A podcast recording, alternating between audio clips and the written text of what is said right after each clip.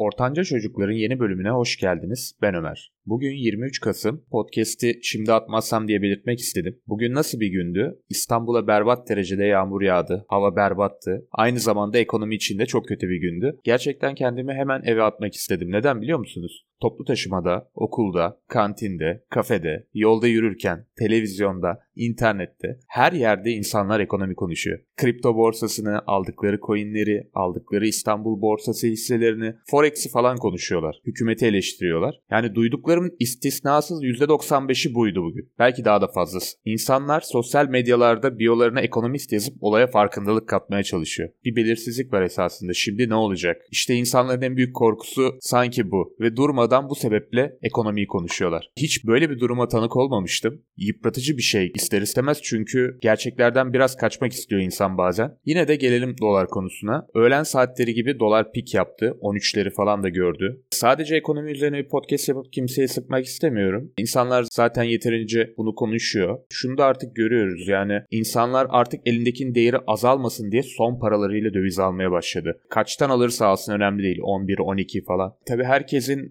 ağzında bir dolar lafı geçiyor ama çoğumuzun bildiği gibi dolar aslında operasyon falan şu an tam olarak yok paramızın değeri azalıyor aslında. Önemli olan durum bu. Ben yine insanlar bir tepki göstermeyecek diye düşündüm ama Ankara Çankaya'da büyük bir grup insan hükümeti istifaya çağırmış. Sesler yavaş yavaş yükseliyor. Yanlış bir şey söylemek de istemiyorum. Çatalca'nın yanında bulunan ilçeye bir hasretim yok. Ama artık 18 yaşına girmemiş bir genç bile yarın sabah belki de farklı hayallerle uyanacak. Ya da hayallerinden vazgeçecek. İstemediği şeylerle ömrünü geçirecek. Almanya'ya gideyim de rahatça hayatımı yaşayayım diyecek. Ülkesini seven ve buraya katma değer kat katmak isteyen gençler biraz daha rahat yaşayayım diye yabancıların ülkesine değer katmaya gidecek. Hem de gayet haklı bir şekilde insanların gözü artık açılıyor gibi. Neden? Artık olay öyle bir boyuta geliyor ki hani bir laf var ya kuru ekmek soğan yeriz yine de işte teslim olmayız gibisinden. Böyle giderse kuru ekmek soğana muhtaç kalabiliriz sanki. Şeye çok tepki gösteriyorlar. Ekmeğe çok zam gelince insanlar aslında durumun kötülüğünün iyice farkına vardı. Asgari ücretli adam bile artık söyleniyor